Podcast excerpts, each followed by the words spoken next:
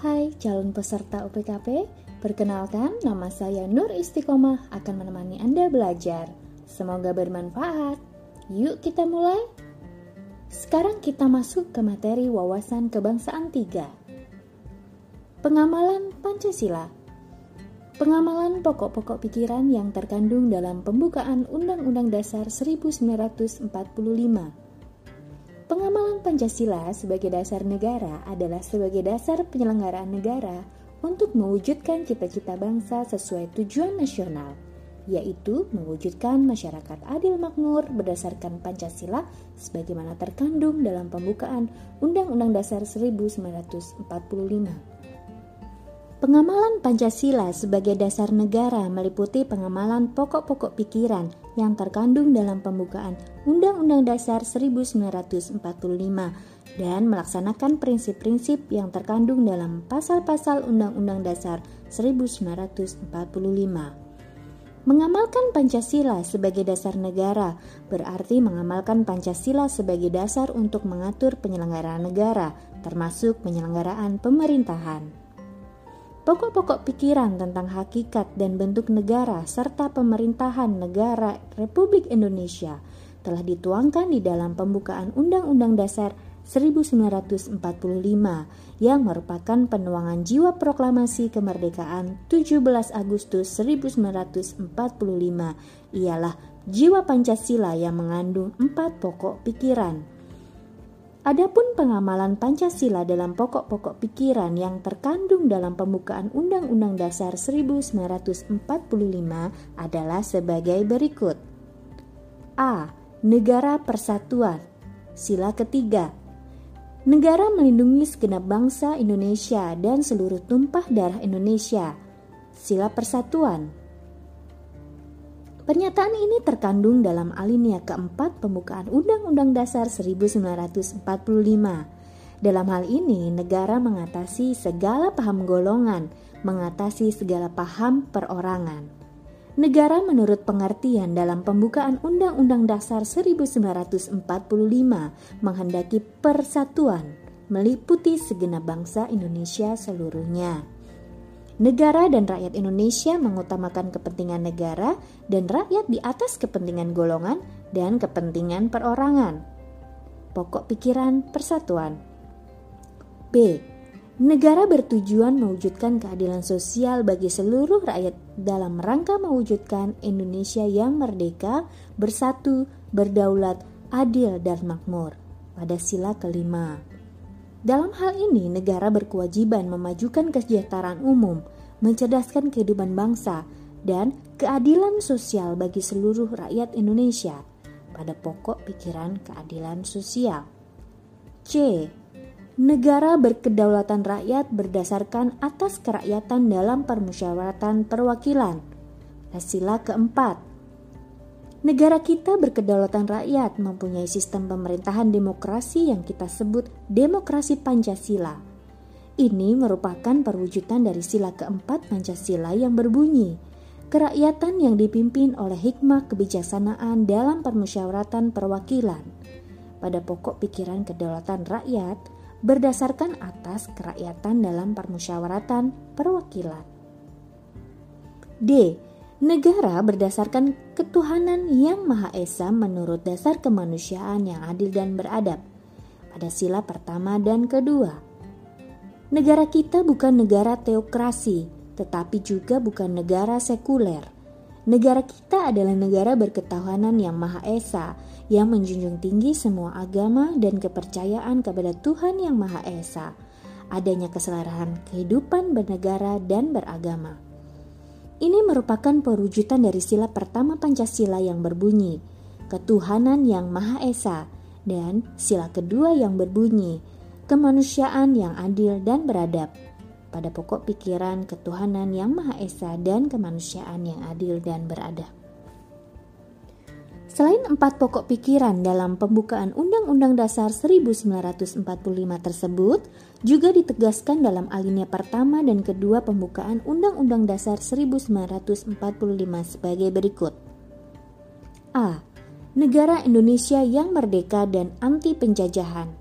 bahwa sesungguhnya kemerdekaan itu ialah hak segala bangsa dan oleh sebab itu penjajahan di atas dunia harus dihapuskan karena tidak sesuai dengan peri kemanusiaan dan peri keadilan. Pada alinea pertama pembukaan Undang-Undang Dasar 1945. B. Negara Indonesia yang merdeka, bersatu, berdaulat, adil dan makmur berdasarkan Pancasila dan perjuangan pergerakan kemerdekaan Indonesia telah sampai kepada saat yang berbahagia dengan selamat sentosa mengantarkan rakyat Indonesia ke depan pintu gerbang kemerdekaan negara Indonesia merdeka, bersatu, berdaulat, adil dan makmur. Pada alinea kedua pembukaan Undang-Undang Dasar 1945. Pengamalan prinsip-prinsip yang terkandung dalam pasal-pasal Undang-Undang Dasar 1945. Dari uraian tersebut, nampak jelas bahwa hakikat dan sifat negara kita adalah identik dengan hakikat dan sifat-sifat manusia Indonesia seutuhnya. Ialah sebagai makhluk individu sekaligus makhluk sosial dalam satu kesatuan yang disebut monodualistis.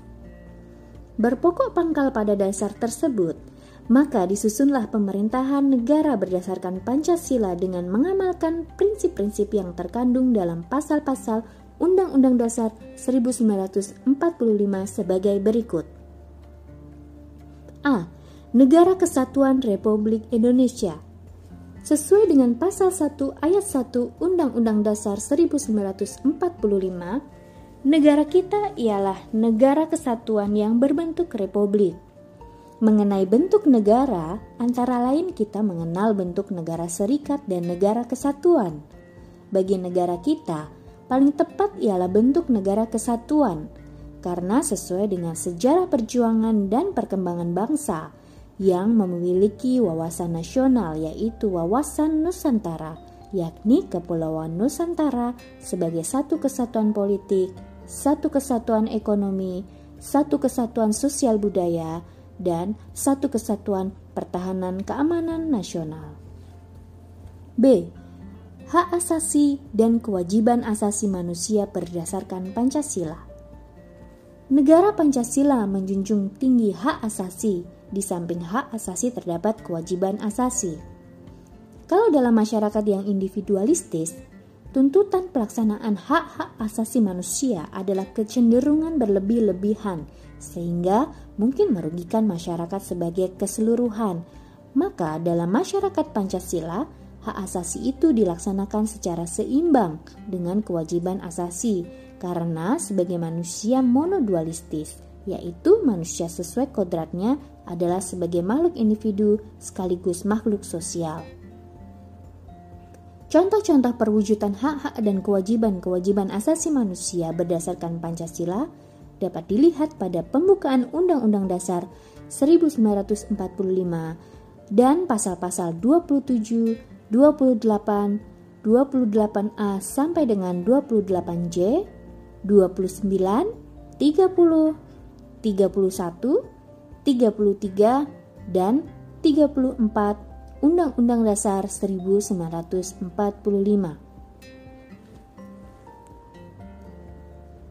Sistem politik, kesamaan kedudukan dalam hukum pemerintahan.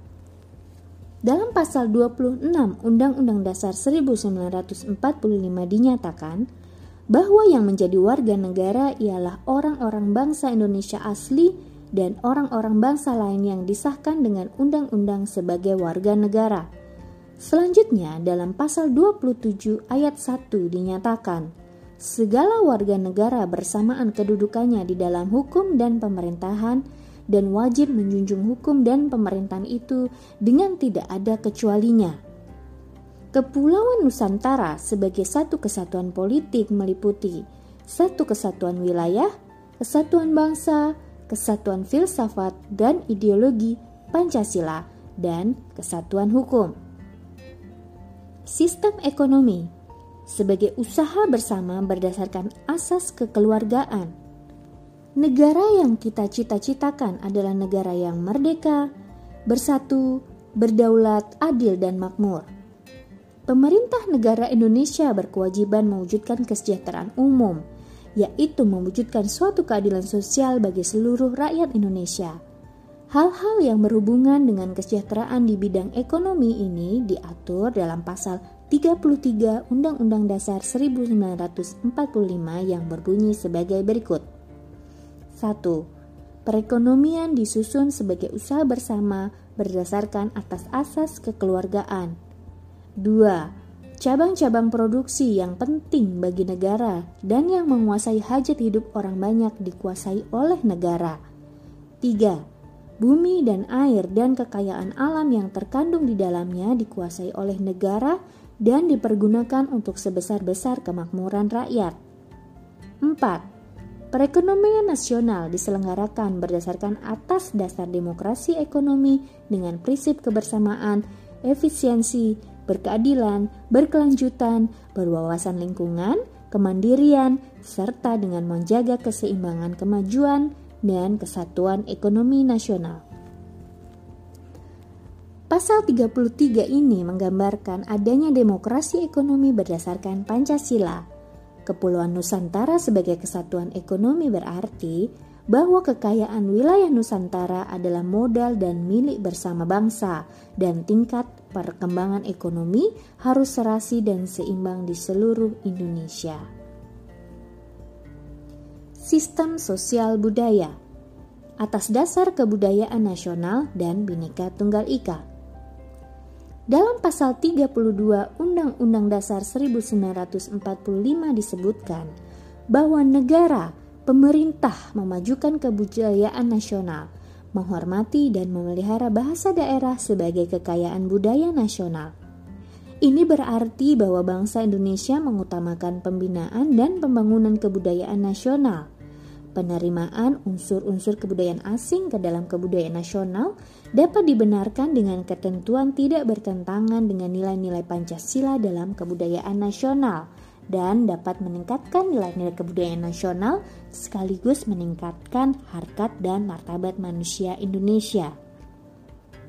Di samping itu, karena negara kita terdiri atas banyak pulau dan suku bangsa serta golongan warga negara, maka kita menjunjung tinggi semboyan Bhinneka Tunggal Ika. Dalam hubungan ini, kita tidak boleh mempertentangkan perbedaan sifat, bentuk, dan wujud kebudayaan yang beraneka ragam yang tumbuh dan berkembang dalam masyarakat kita.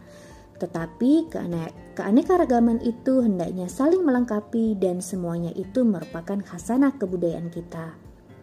Manusia-manusia yang mendiami Kepulauan Nusantara sebagai satu kesatuan sosial dan budaya sebagaimana terkandung dalam wawasan nasional bangsa Indonesia yaitu wawasan Nusantara. Corak ragam budaya menggambarkan kekayaan budaya bangsa yang harus dikembangkan untuk dapat dinikmati bersama. Sistem pembelaan negara, hak dan kewajiban dalam pertahanan negara. Dalam alinea keempat pembukaan Undang-Undang Dasar 1945 dinyatakan bahwa pemerintah negara Indonesia harus melindungi segenap bangsa Indonesia dan seluruh tumpah darah Indonesia. Dalam pasal 27 ayat 3, Undang-Undang Dasar 1945 menegaskan setiap warga negara berhak dan wajib ikut serta dalam upaya pembelaan negara Selanjutnya dalam pasal 30 ayat 1 Undang-Undang Dasar 1945 dinyatakan bahwa tiap-tiap warga negara berhak dan wajib ikut serta dalam usaha pertahanan dan keamanan negara.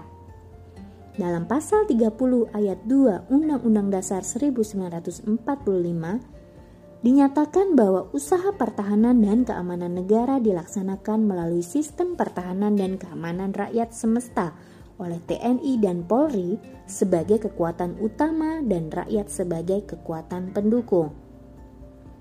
Kepulauan Nusantara kita sebagai satu kesatuan pertahanan keamanan berarti bahwa ancaman terhadap satu pulau atau satu daerah pada hakikatnya merupakan ancaman terhadap seluruh bangsa dan negara dan bahwa tiap-tiap warga negara mempunyai hak dan kewajiban yang sama dalam rangka upaya pembelaan dan pertahanan keamanan negara dan bangsa.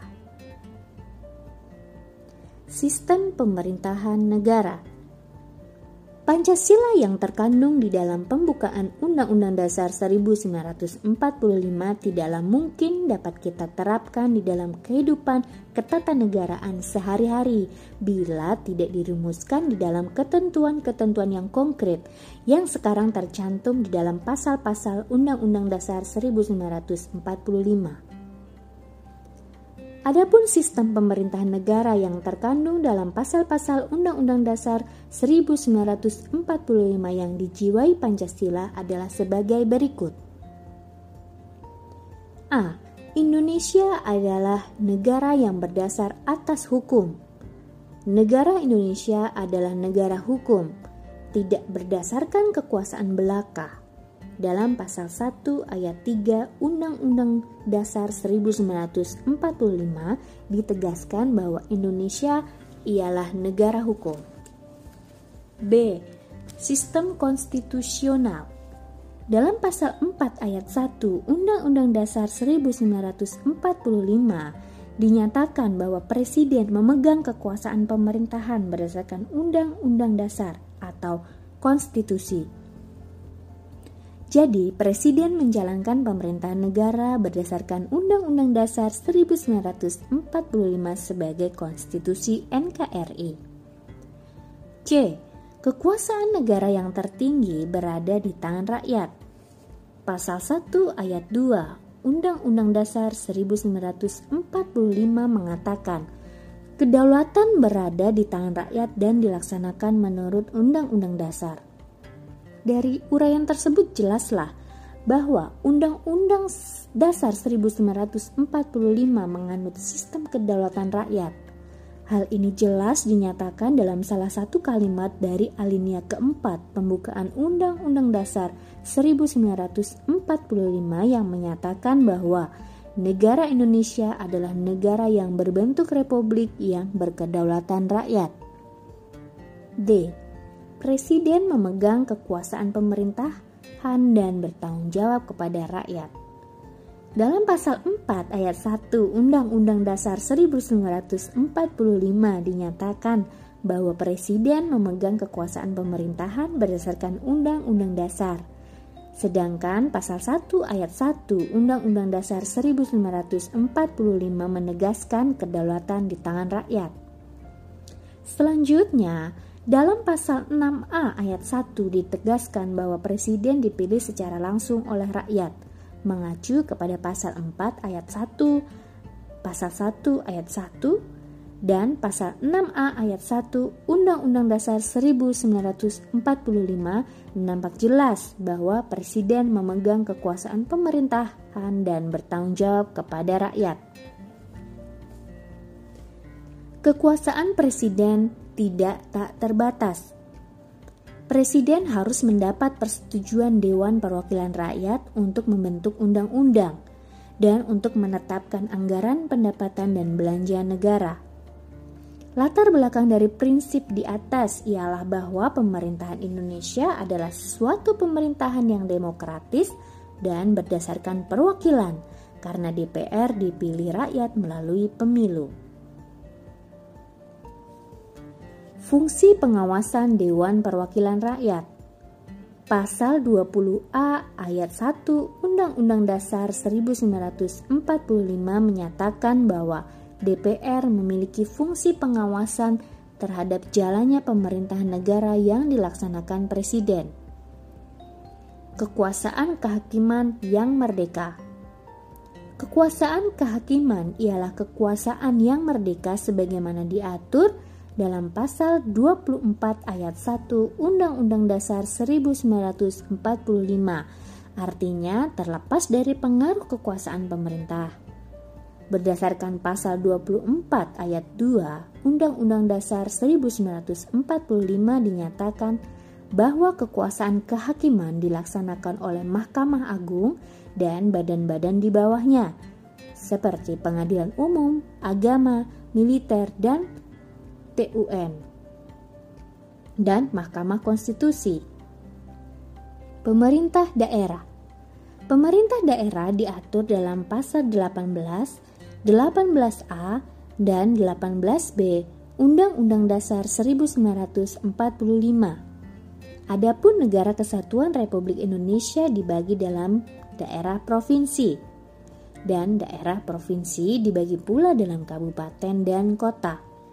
Di daerah-daerah tersebut diadakan Dewan Perwakilan Rakyat Daerah.